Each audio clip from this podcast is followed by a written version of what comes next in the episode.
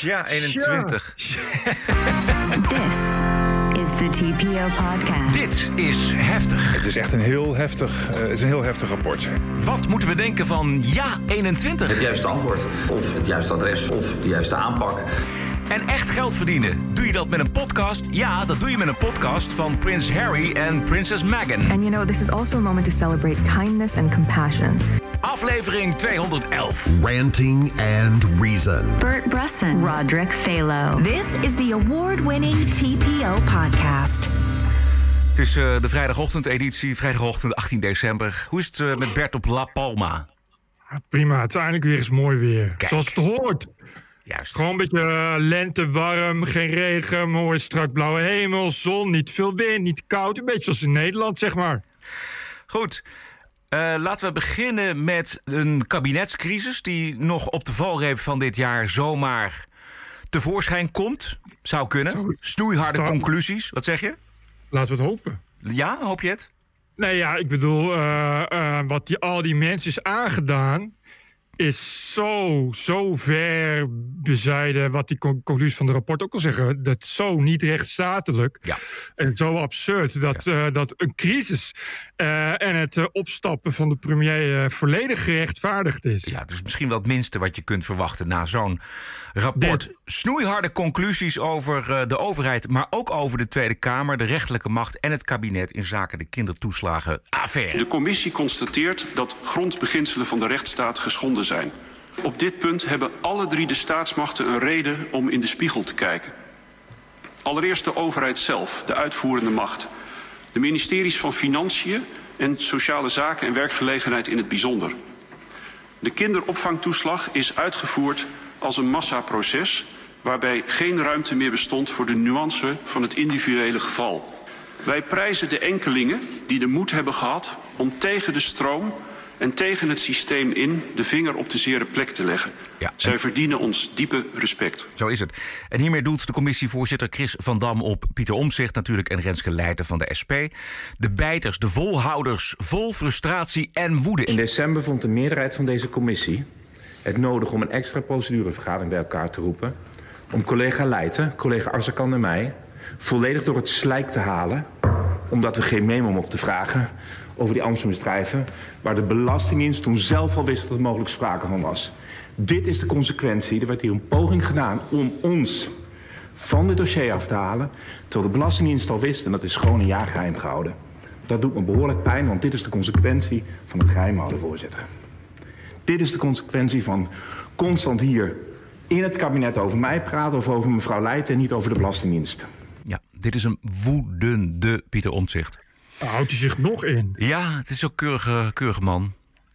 Ja, maar ik bedoel, eh, wat, dat is echt wat die mensen aangedaan, is gewoon zo verbijsterend. Ik zag het gisteren op geen stel. Als je terugkeek keek, eh, naar die oude commissievergaderingen, hoe die omzicht eh, en die Leiden en die Azarkan eh kapot worden gemaakt door anderen. Omdat ze gewoon hun werk doen.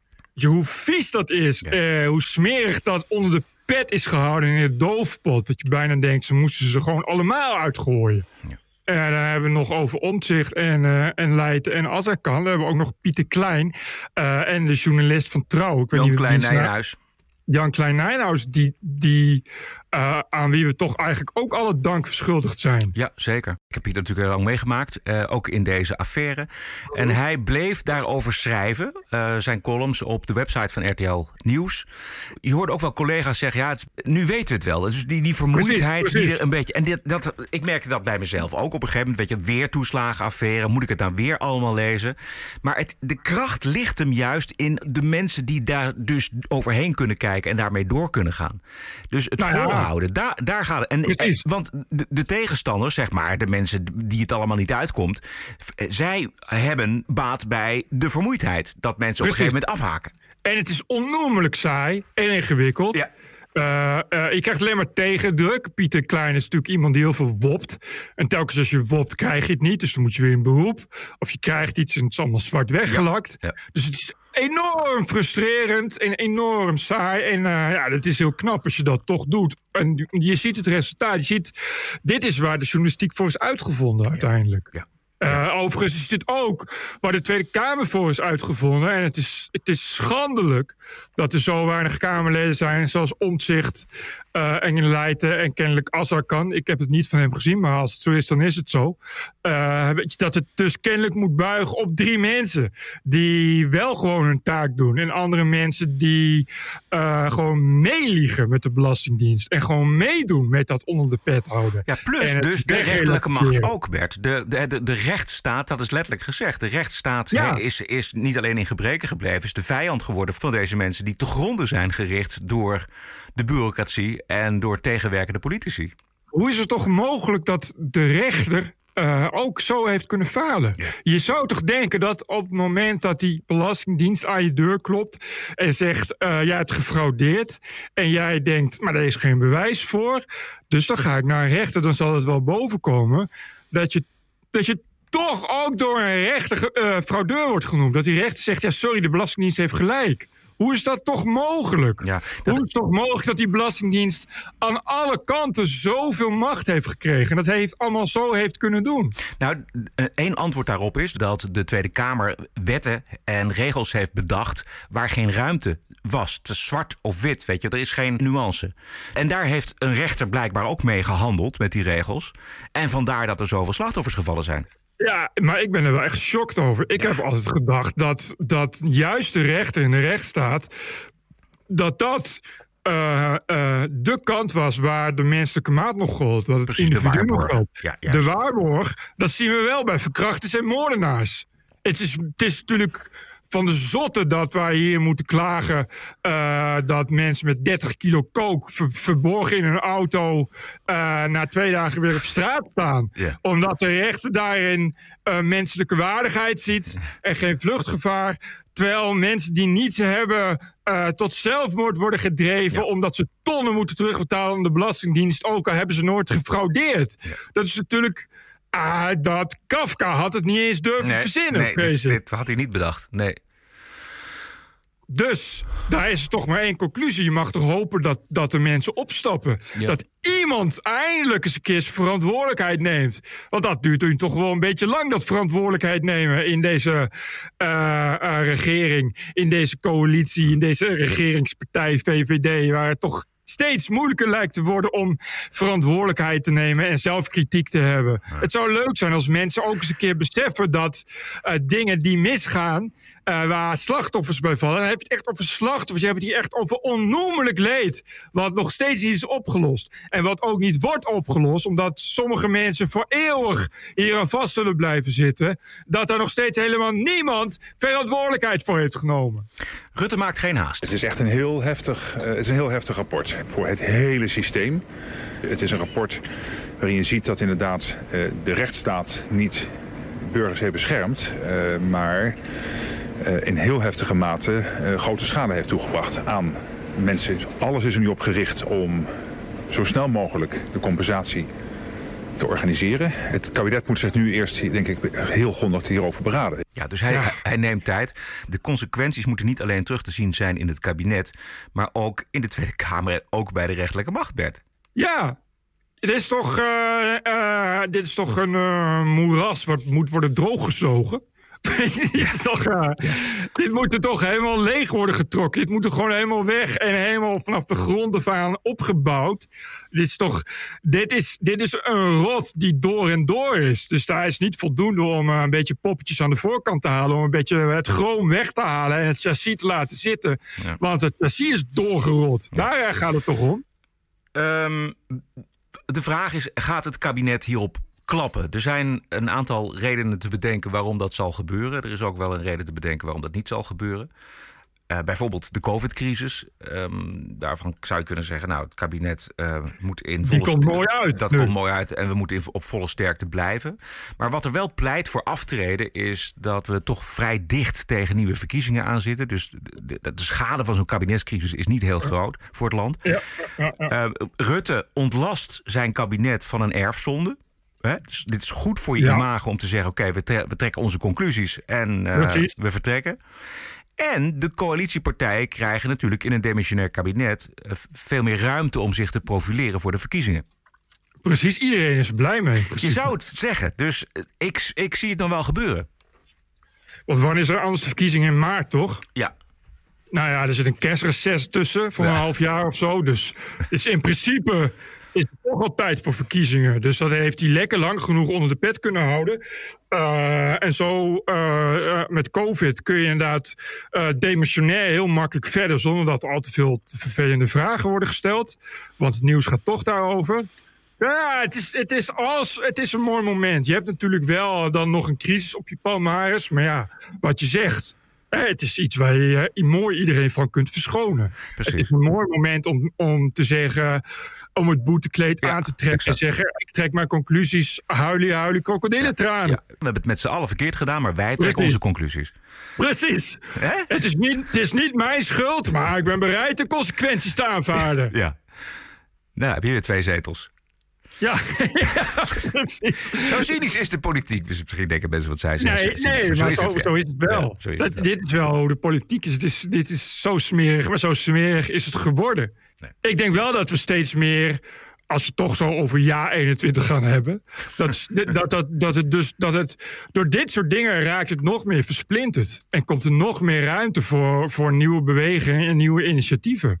Is een, de kloof tussen burger en democratie is nu nog heel veel groter geworden dan dat die al was. Ja, het hangt heel erg van het boetekleed af. En als iedereen erkent. Kijk, wat fijn voor een hoop mensen is natuurlijk. Is, eh, eh, zijn mensen als Omtzigt en eh Renske Leijten. Dat is, die, die houden de eer van de Tweede Kamer hoog. Laten we het hebben over eh, jaar 21. Want dat is wel een beetje het, het nieuws van vanochtend. Vanmiddag komt er een groot interview, dubbel interview met Eertmans en Danninga in de Telegraaf.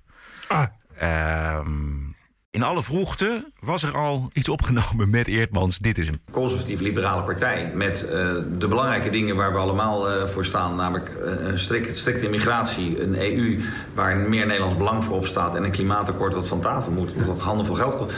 Dat is de kern. En daar is heel veel behoefte aan. Maar wel bij een partij die normaal is. En denk ik een, een fatsoenlijke basis heeft. En mensen met, met resultaatsgerichte aanpak. Deze partij heeft de mooie naam van Ja 21. Eh, Dat staat voor, voor Joost en Annabel. Dat is eigenlijk de knipoog. En 2021 natuurlijk, het jaar waarop het, waarin het moet gebeuren. Maar tegelijkertijd ook eh, staat het officieel voor het juiste antwoord.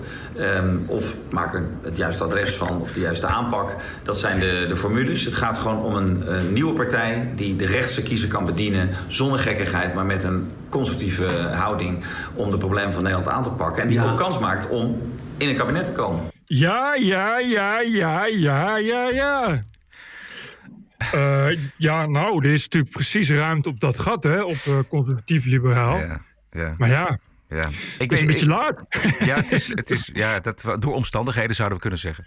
Ja. Ik, ik, ik weet niet hoe het met jou is, Bert, maar ik, het ligt niet aan eh, Joost Eertmans en Annabel Nanninga. Maar ik word ook wel een klein beetje moe van de politiek op rechts, moet ik eerlijk zeggen. Dat komt natuurlijk door die hele soap die we gehad hebben van Forum voor Democratie. We hebben verder op rechts ook nog iets als, dat heet Code Oranje volgens mij. Ja. Eh, en er zijn misschien vast nog wel drie andere partijen die op rechts wat willen. Vond- Het is de hele tijd dat rechts, je wordt er een beetje moe van, rechts. Op een gegeven moment denk je, ik heb het wel een beetje gezien met Ja, rechts. Laat maar zien eerst. Weet je, ik heb. Ja, dat, dat vind ik ook. Dat is dus het nadeel dat je dat nu dus niet kan. Eh, nou ja, ik, ik- je kan met, met, met het goede fatsoen en vol vertrouwen op Annabel stemmen. Want die hebben we al jaren gezien in Amsterdam. Maar ja, Eerdmans hebben we natuurlijk al jaren gezien in Rotterdam. Dus daar niet van. Maar ja, ah, er komen natuurlijk nog heel veel mensen op zo'n lijst. Wa- Waarvan je nog helemaal niets weet. Ja. En, ehm, en eh, dat moet dan eh, ook maar lukken. Dus eh, ja, en, en wat je zegt, rechts. Het is, eh, ik ben een beetje klaar wel met rechts. Wel een beetje, een beetje heel veel rechts op deze manier. Misschien gaan we maar een beetje naar het midden. Dat is misschien een beter idee. Ja, en dat komt natuurlijk allemaal weer het CDA en de VVD ten goede. Juist. Juist, dan zie je het CDA gaat dan weer ineens eh, zetels tegelijk omhoog in de peilingen. Zullen we het eh, gewoon eventjes hierbij laten en gewoon kijken hoe zij zich verder presenteren? En eh, Ja, ik heb al aan Annabel gevraagd eh, of ze ook op sneakers gaat. Ah. Het antwoord daarop is nee, ga weg. Dus die kans zit er gelukkig niet in. Dus dat scheelt al een hoop. je had het over Kaag.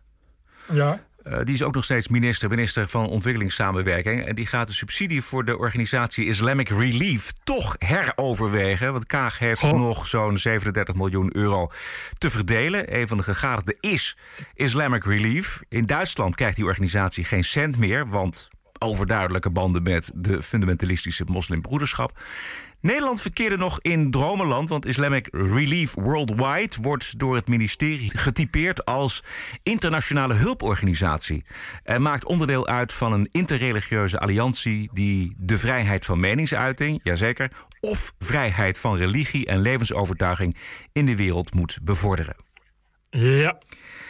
De vader van de nummer 9 van de kandidatenlijst van GroenLinks was tot 2016 voorzitter van Islamic Relief. Ja. En dat mogen we Kautar natuurlijk uh, de nummer 9 niet aanrekenen. Maar dat zij eh, tot voor kort weinig wist van het moslimbroederschap, dat blijft toch een vreemde uitspraak. Ja, ik heb de afgelopen weken zelf ook heel veel geleerd over de moslimbroederschap. Want in mijn werk heb ik daar echt helemaal niks mee te maken gehad. En dat verdient... Ah, ik wist van niks. Ja, ja, ja. Islamic Relief, moslimbroederschap. Ik wist helemaal niet dat iets met islam had te maken. Zou Jesse Klaver nou achter gesloten deuren toch nog eens een heel serieus gesprek met deze Qatar voeren?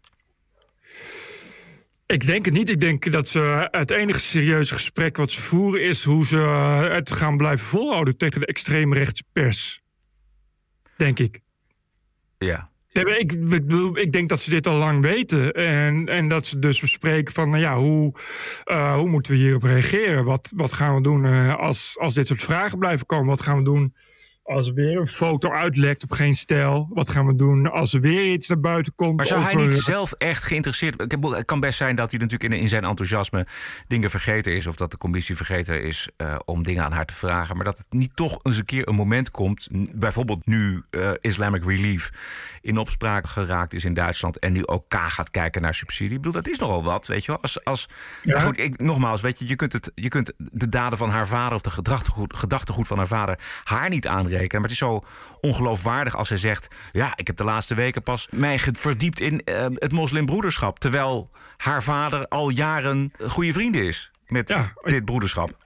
Ja, het is hetzelfde als, als, als, als iemand die bij de SGP op de lijst komt die zegt: Nou, ik heb me maar eens even verdiept in het christendom. Er zit een soort goedgelovigheid, naïviteit in. Ja, Duitsers zijn ja. wat dat betreft misschien achterdochtiger. Ze zijn ook hartstikke woke, maar dan toch wel heel erg ook checken of dat allemaal wel klopt, wat er, wat er ontvangen wordt en hoe die beweging, wat die, waar die beweging voor staat. En dat is dan het belletje in Nederland van, oh, wacht even, laten we dan toch ook even kijken. Aangestuurd door de extreemrechtse pers natuurlijk. Ja, ja. het is allemaal de schuld van geen stijl natuurlijk. Ja. Ik las uh, Jaap Hamburger.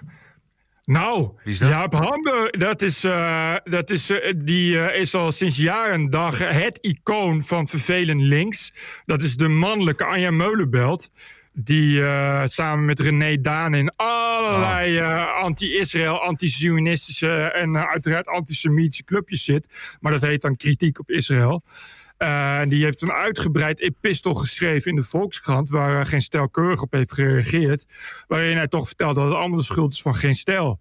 Die vooral zo'n prachtige meid als uh, kapot wil maken. Terwijl het is gewoon helemaal terecht dat zij onder nazi-vlaggetjes tegen Israël demonstreert. Want wat Israël en Palestina doet, is pure massamoord. Hm.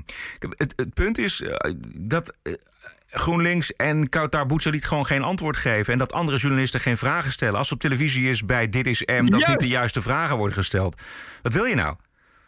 Nou, oké, maar dat ligt een beetje aan dit is M ook. Ja, maar dit, ons, ons beroep is gewoon vragen stellen. Punt. En als, de, als, er, als er nog vragen liggen voor deze mevrouw, dan ja, en voor die partij vooral. Want het gaat om die combinatie. Het gaat niet om mevrouw Bouchalit, daar gaat het helemaal niet om.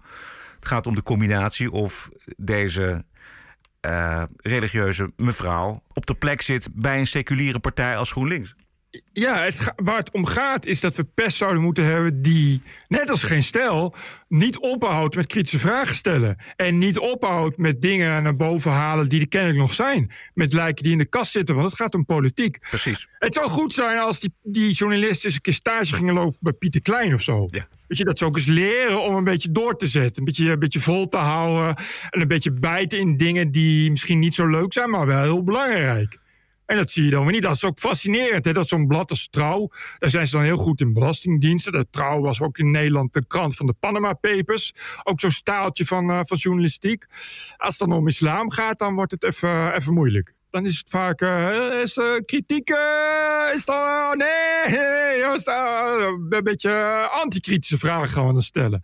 Als het dan om islam gaat, dan is het toch een beetje. Als Kleis Jager een kritisch stuk plaatst, dan komt er daarna iemand anders van trouw die een anti-kritisch stuk tegen Kleis Jager plaatst. Want we moeten niet hebben dat de trouwlezers denken dat trouw niet islamofiel genoeg is. Dus daar gaat het een beetje mis met de journalistiek. Daar wordt het een beetje lastig. Dat is vervelend.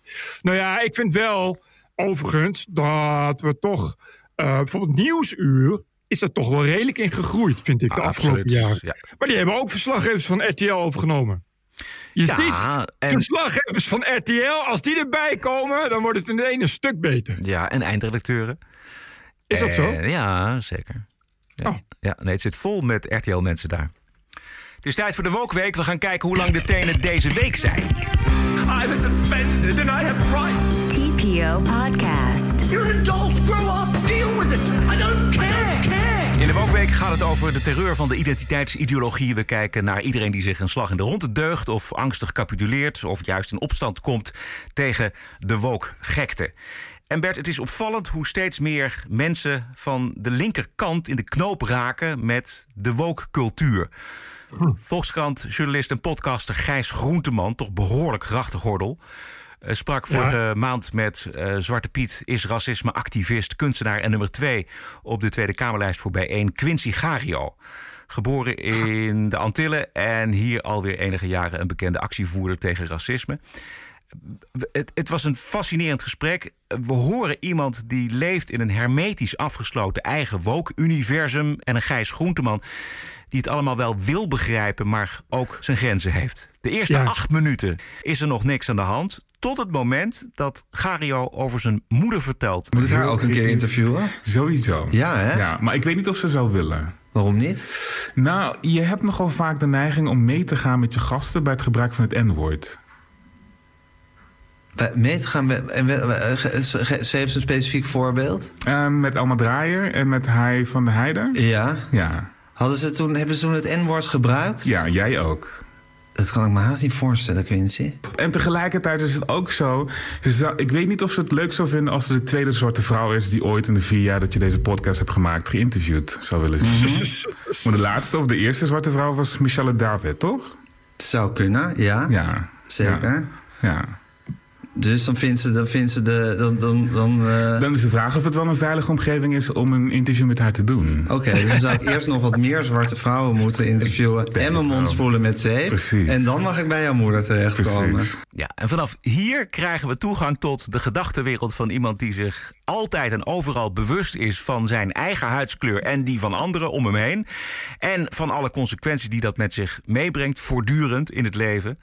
De wereld van Quincy Gario is letterlijk zwart-wit en kent geen grijstinten. Ik hou ervan om mijn moeder te beschermen. Ja. Net zoals zij ons beschermt. Ja. En dan ga ik haar ook niet in een situatie zetten waar ze misschien geweld aangedaan zou kunnen worden. Ja, ja. Ja. En je vindt in een eh, gesprek kan je geweld aangedaan worden. Sowieso. Ja.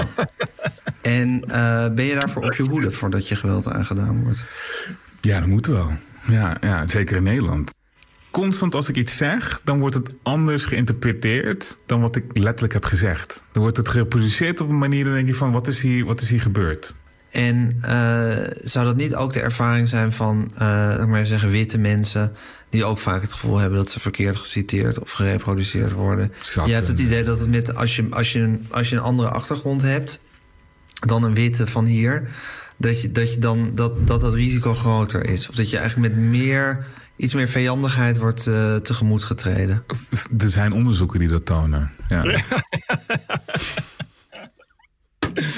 What the fuck? Wat een hallucinante shit dit zeg. Ja, dit duurt eh, ruim een uur. En Ja. ik, ik had eh, groot respect kwam er voor Gijs Groenteman... dat hij dat allemaal zo aanhoort en zijn best doet om het te begrijpen. Ja. Ja. ja, ik heb nog meer. Ik weet niet of je het leuk vindt om te horen. Maar, Ja, ga, ga, ga je gang. Het Gario telt de hele dag witte en zwarte mensen. Je hebt heel vaak ook Marcel van Roosmalen in je programma gehad. Ja. Maar hij is constant erbij als hij Ik iets... heb hem één keer in mijn programma gehad, volgens mij. Nee, Vaker. drie of vier keer.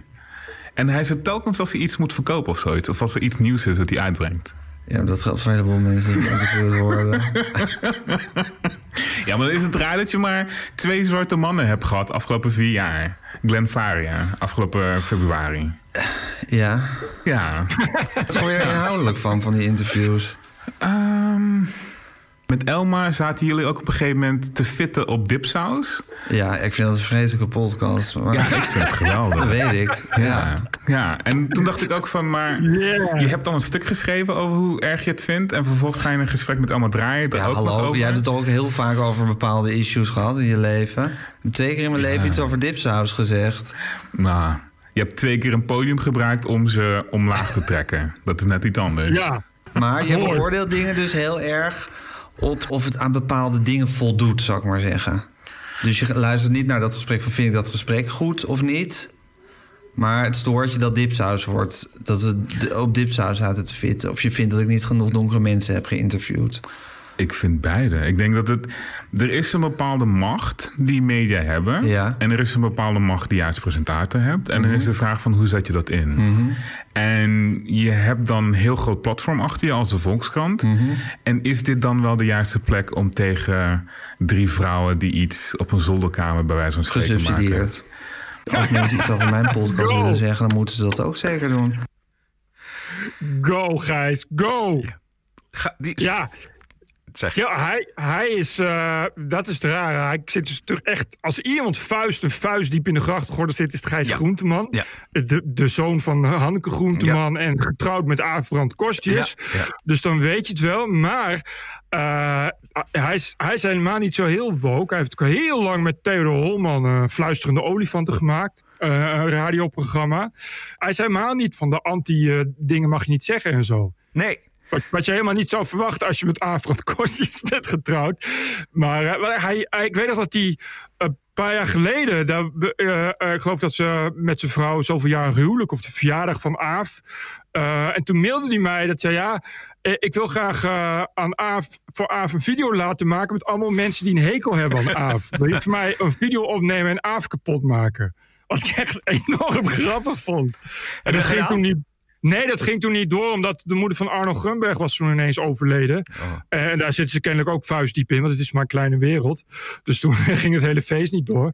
Maar dat is een beetje ook Gijs Groenteman, zeg maar. Dus je hoort hier ook wel dit soort cynisme. Je hoort op een gegeven moment, hoor je hem ook wel zuchten. Ja. Dat, je ook, dat hij ook echt denkt van, ik trek het nu even gewoon ook niet meer. Nee, hij was er echt de hele week van slag van. Dat bekende hij in een andere podcast die hij samen maakt met eh, Teun van de Keuken. Een, school, Ja. een schoolvriend en een, en een volkskrantcollega Ja. van hem. Ik ben eigenlijk over dit hele gesprek met hem totaal in de war. Heb je dat vaker? Ik, nee, nooit. Nee? Nee, echt nooit.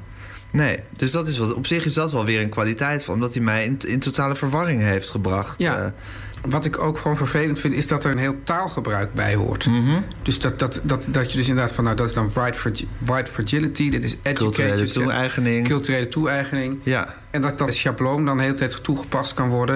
En dat vind ik dan wij, zelf weinig creatief. ja. Maar ja, weinig creatief. Ja. Maar ook een beetje dwingend. Dwingend. Ja. Ja, precies. Ja. Jezus, ja, het is echt een raar interview. Die, die Quincy Gaio is echt knettergek, volgens mij. Nee, hij denkt in ieder geval alleen maar in structuren. En dan zie je dus op een gegeven moment overal racisme. Achter elke boom, achter elke volkskrantjournalist schuilt racisme. En dan kom je vanzelf tot institutioneel racisme, want daar is geen ontkomen meer aan. Dat vond ik ook mooi aan het gesprek. Eigenlijk is dat het bewijs dat dat hele begrip institutioneel racisme... dat dat vooral in de hoofden van die mensen zit. Ja, en het geeft ook, het geeft ook hij, wat hij doet is ook mooi aangeven, onbe- ongewild, onbewust, hoe dus die structuur van, van woke werkt. Dus je, je, je kan dus helemaal niet naar de inhoud luisteren. Nee, Want als je dan in een interview zit, dan ben je verplicht om tegen die interview te zeggen: Ja, jij bent een racist, want jij hebt het woord neger gebruikt. En eh, jij hebt eh, niet voldoende zwarte mensen geïnterviewd. Dus ik kan eigenlijk niet met je in gesprek. Ja. En als ik wel met je in gesprek ga, dan moet het daarover gaan. Dan kan, moet ik je beschuldigen. Een soort, soort rituele reiniging die moet worden uitgevoerd. Dat is, dat is ook echt de structuur van, van, van dit soort, van dit soort woke-gekken. Ja. Het, het kan alleen maar daarover gaan. Ja, het, het ging inderdaad over dat N-woord. Ik heb, ik heb nog één fragmentje daarover. Nog een keer, Groenteman en Van de Keuken. Je mag dus ook niet in citerende zin dat woord gebruiken. Wat vind je daarvan? Blijkt. Nou, ik vind dat eigenlijk verschrikkelijk. Ik vind dat eigenlijk heel erg. Ik vind dat, ik vind dat heel moeilijk. Ik vind dat soort. Ik vind Wat dat, vind je er zo erg aan? Nou, omdat het, omdat het een soort eh, restrictie wordt op dingen die je mag zeggen. En ik, ik snap wel dat het, dat het niet goed is om mensen eh, zo aan te duiden. Omdat het, omdat het woord een hele eh, historische connotatie en betekenis heeft. En dat zou je Maar als waarschijnlijk al lang niet meer doen, als toch? Je, als je het niet, nee, dat zou ik nooit meer doen. Maar als je het niet eens citerend mag zeggen... of bijvoorbeeld uit oude, eh, uit oude boeken of zo... waar het in staat. Of als je zegt, ik vind het verschrikkelijk als dat woord gebruikt wordt. Ja, ik durf het nu niet meer te zeggen. En ik vind dat gewoon ik vind dat heel onprettig... Dat ik nu dat dat, dat, dat woord zo. eh, ja, dat ik mezelf teruggehouden voel om dat woord te gebruiken. Ook in de zin om te beschrijven dat ik het niet wil gebruiken. Maar er wordt dan gezegd van ja, maar dit doet heel veel pijn bij mensen. Als dat woord wordt gebruikt. Ja, ja, ik snap dat eerlijk gezegd gewoon niet. Waarom dat, waarom dat als, je, Ja. als je het in citerende zin of in historische zin, context gebruikt, waarom dat, waarom dat Vind pijn jij zou dat doen? uit het werk van Céline eh, alle antisemitische toespelingen moeten Nee, worden dat vind ik helemaal niet. Absoluut niet. Eh, nee, ik zou dat, ik zou dat ridicuul vinden. Kijk, het is keurig dat je zegt van nou, ik gebruik geen neger meer. Waarom ook niet? Maar eh, je, je kan toch niet. Weet je, dan, dan, moet je, dan, dan voel je dus die, die rare druk van jezelf moeten censureren. Van ja, de Nou ja, negerhut van Oom Tom. Dan, dan moet je, die, dat, dat boek over, over die hut van Oom Tom.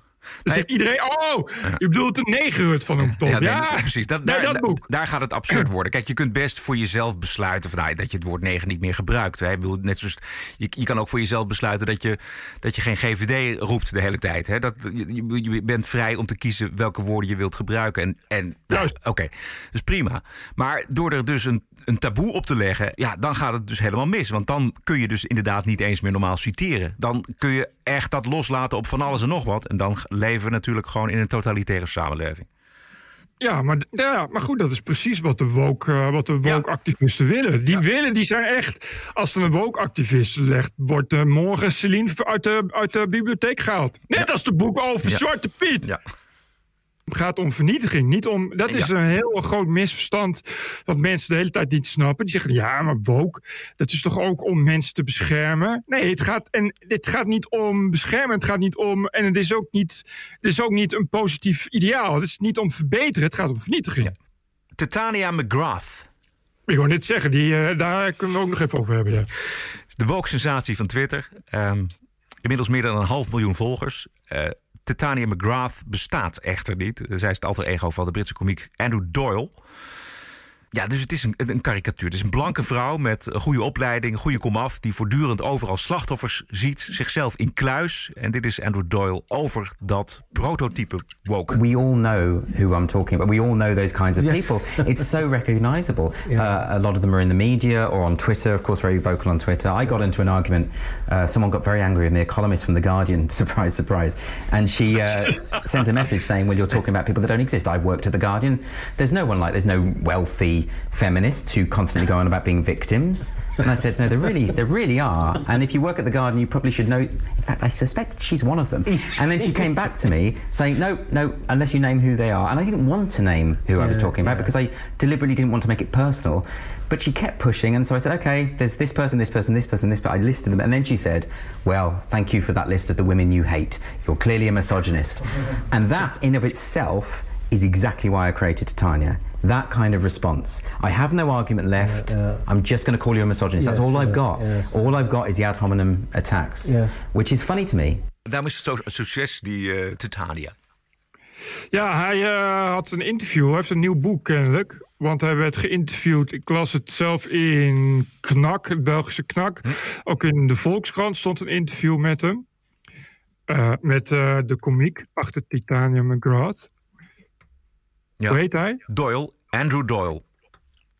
Eh, ja, en hij, hij waarschuwt ook. Hij is er wel echt uh, heel serieus mee bezig. Omdat hij, hij is behalve uh, dat hij daar grappen over maakt. Omdat het leuk is op Twitter.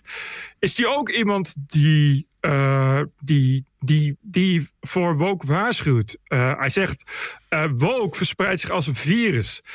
in de UK zijn alle vooraanstaande culturele instellingen en universiteiten al lang in de greep van de woke-cultuur. Ja. Woke-activisten denken even simplistisch als kinderen. Ik denk dat ze nooit volwassen zijn geworden en dat ze daarom geen volwassen gesprek aan kunnen. Woke is een infantiele cultuur. Ze maakt kinderen van ons. En hij doet wat wij ook al heel lang doen, namelijk oproepen om uh, eens een keer te leren nee te zeggen. Uh, en een keer te leren uh, daar tegenop te staan. En te stoppen met woke te accepteren. En dat wil ik even voorlezen, omdat ja. dat dus iets is wat wij ook ongeveer elke week zeggen. Hij zegt: We moeten protesteren. En sommigen doen dat al, maar anoniem, omdat ze bang zijn voor represailles. Dat is begrijpelijk, maar we moeten ook leren bereid zijn de consequenties te accepteren. De toenemende dwang om in een keurslijf te passen zal pas stoppen als we laten horen dat we het daar niet mee eens zijn. Dat zal voor sommigen vervelende gevolgen hebben. Ze zullen hun baan verliezen, misschien hun vrienden, hun familie. Er zullen meer gevallen van depressie zijn, noem maar op. Toch lijkt me dat uiteindelijk beter dan het alternatief. Een samenleving die steeds meer beperkingen zal opleggen bij wat we doen, zeggen of denken. We moeten moediger worden om dat proces een halt toe te roepen. Er komt pas verandering als genoeg mensen bereid zijn om op te staan. Vaker nee zeggen. No! No! Hij zegt ook volgens mij, ook in dat interview... Het is, het is maar een klein clubje die heel goed weet... hoe ze de sociale media moeten bespelen. Het infecteert iedereen en, en bedrijven en organisaties. Het is verschrikkelijk. En je moet vaker nee zeggen. Hij woont in Groot-Brittannië, dus uh, hij weet hoe ver het kan gaan. Hij woont in een land waar een serieuze gedachtepolitie aan je deur komt... als je op Twitter iets verkeerd zegt over transgenders. Ja. Of uh, als je sowieso een verkeerde gedachte hebt. Weet hij woont in Londen waar seksistische reclame verboden is. Weet en hij weet, hij uh, ondervindt aan de lijf hoe dat is. Hij zegt ook, de BBC bijvoorbeeld is zo door en door woke... dat je nooit op tv zult komen als je afwijkt van het toegestaande kijk op de wereld. Dus hij, je kan dus het, het, belangrijkste platform kan al niet meer gebruikt worden om dat debat te voeren. Dat zie je ook. Nou, de, nou, zoals je net al zei, ja, liet net al horen wat dan de, redactie, de reactie van The Guardian is. Ja, The Guardian is een invloedrijk blad. Maar je kan dus niet naar The Guardian om te protesteren tegen woke, om dat debat te voeren. Want dan ben je een, een vrouwenhater en een racist. Ja, ja. dat is, en dat is, dat is dus heel gevaarlijk. En dat is hoe, hoe het gaat. Hoe het langzaam als een virus dus ook doorcijpelt naar onderste regionen. Hoe mensen daardoor worden geïnfecteerd. En zich ook zo gaan gedragen. Dat is wat we net hebben gehoord in het interview met Quincy Gario. Ja. En hij zegt ook dat woke extreem rechts in de kaart speelt. Want als je voortdurend mensen, jonge, jonge jongetjes uh, beschuldigt bij geboorte ben je al racistisch. Ja, waar kunnen die jongetjes dan heen? En waar worden die jongetjes dan heen gedreven? Natuurlijk richting extreem rechts, want die zeggen van ja, wij kijken helemaal niet zo naar je. The woke movement is essentially a movement that that rehabilitates racial thinking. It makes us think about race more. It makes us think about sexuality, and it makes us uh, aware to the point of discrimination. And it and it and it separates us all out. Uh, and it, it, it, wants to undo the work of the civil rights movements. It wants to undo the work of Martin Luther King. It wants us no longer to, to think about content of character, but to think about color of skin. Uh, so it's a regressive, backward movement. Um, it isn't helpful for human rights. It feeds the far right. It helps the far right. The far right is on the rise. They're still thankfully a very fringe group, but they are on the rise because of the woke movement, because of the woke left giving them all the ammunition they need. Mm. Okay, because if you constantly say that all these working class white people, you're just privileged. All you boys, you're just rapists in waiting. Uh, you know, you've got toxic masculinity. You should be ashamed of yourself. All of this sort of stuff. And then you've got the alt right, white nationalist group, saying, "Well, come come to us then." Ja, ik, uh, dat zegt hij ook van ja, woke maakt links kapot. Ja. En dat, dat, heeft het natuurlijk ook gedaan. Het heeft de democraten kapot gemaakt. Uh, het heeft uh, vooral de, in, in, in Europa de sociaaldemocraten kapot ja. gemaakt. Ja, dat heeft ervoor gezorgd dat je, dat je als arbeider beter op conservatieven kunt gaan stemmen dan op, dan op Labour. Dat gebeurt hier in Nederland ook. Ik bedoel, arbeiders zitten bij de PVV, niet bij de Partij van de Arbeid. Precies. Natuurlijk gaan mensen naar de PVV, eh, naar de FVD of naar Front Nationaal of naar Alternatieven voor Duitsland. Omdat ze het idee hebben dat ze andere dingen niet meer mogen denken. Omdat ze andere dingen niet meer mogen zeggen. En omdat ze dat ook zien gebeuren. Uh, hun televisie en hun media zien ze dat dat wordt weggevaagd. Ze zien dat dingen gewoon letterlijk worden uitgegumd. Uit bibliotheken, uit musea. Weet je, dus, dus, ja, wat wil je dan? Waar moeten mensen dan heen? Ze gaan dan niet blijven hangen. Het boek van Doyle is uh, door de Times uitgeroepen tot boek van het jaar en heet uh, Woke: A Guide to Social Justice uh, door Tania McGrath. ik heb... is die, weten ze wel dat het satire is of niet? dat is, dat is volgens mij de helft van de volgers denkt van niet en nee, de andere helft denkt van wel. Ja, precies. Ja, ja.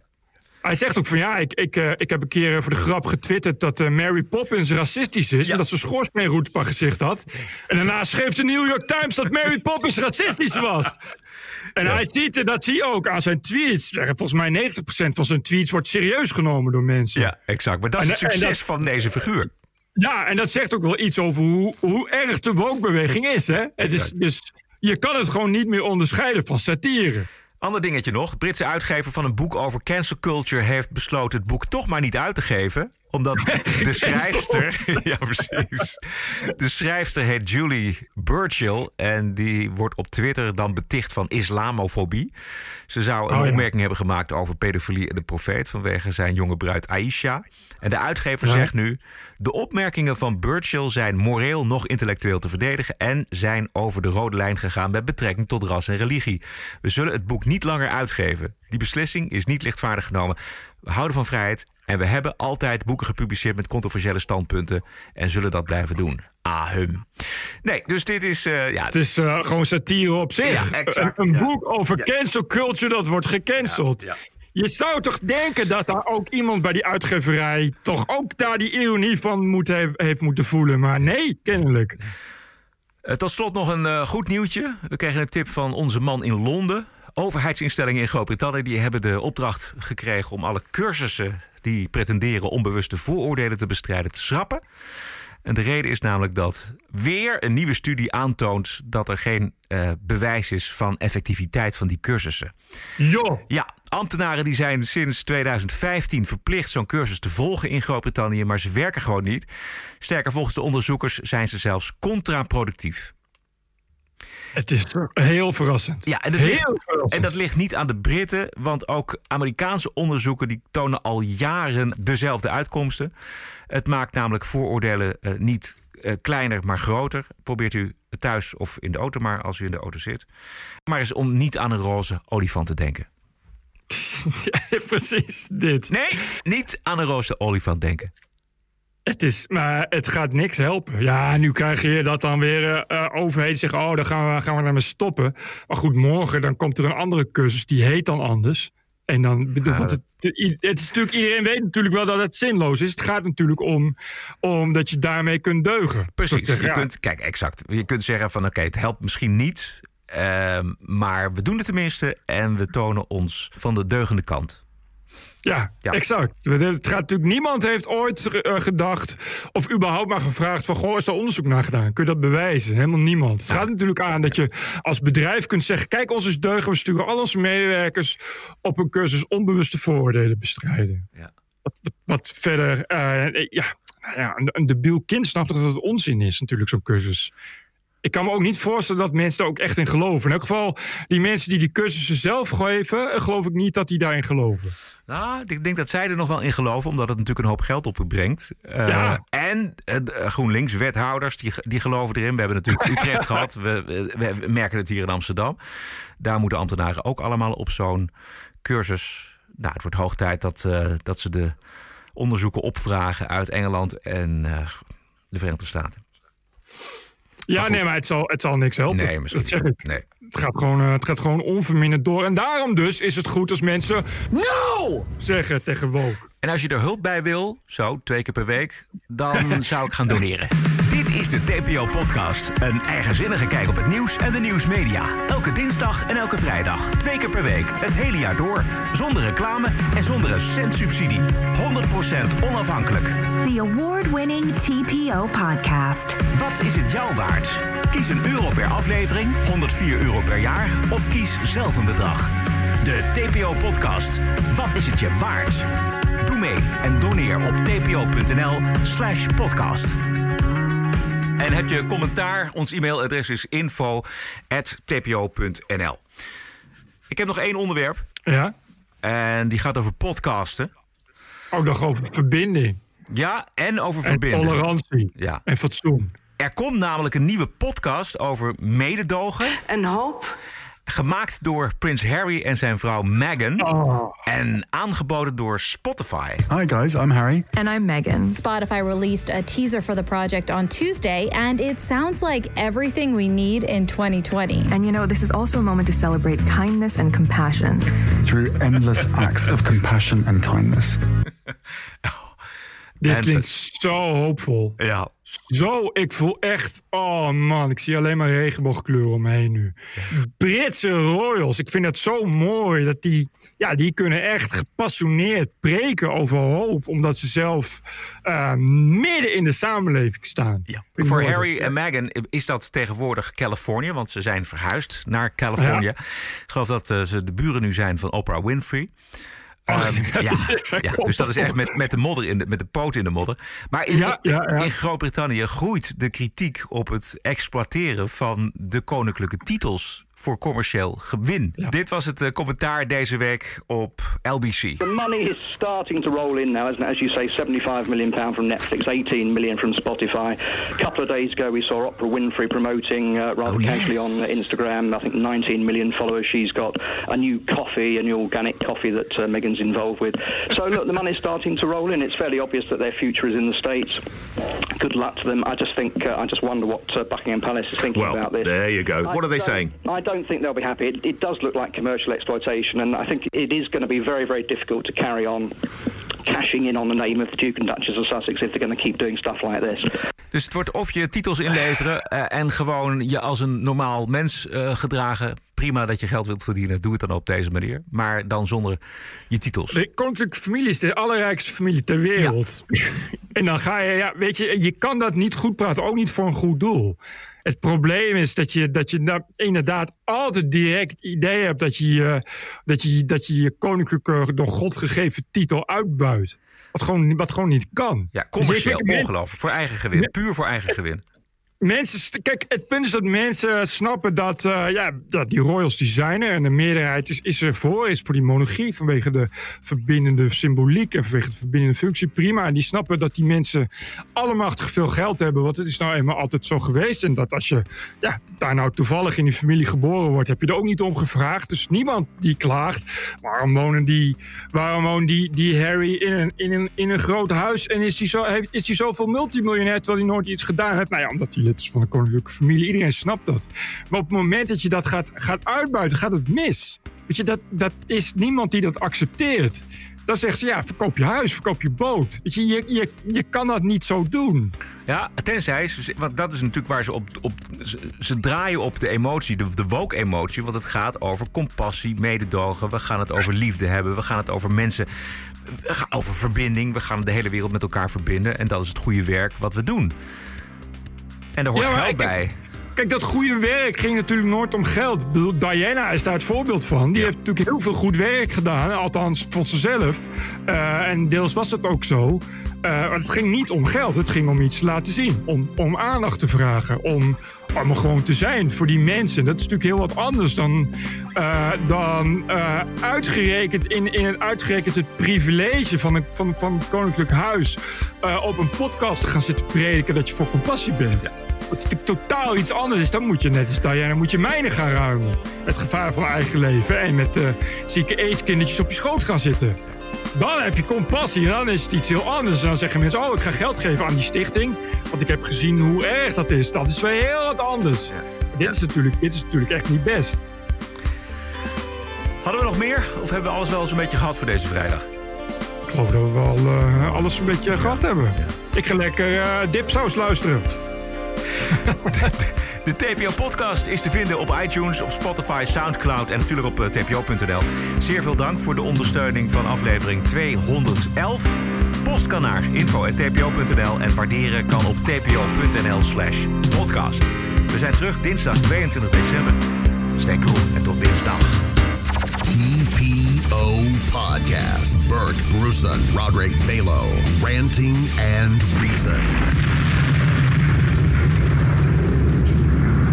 We're told that there is prejudice wherever you look because there aren't enough female biographies on Wikipedia. Podcasting is the TPO podcast in the Netherlands. Bert and Roderick. What a show. I'm telling you.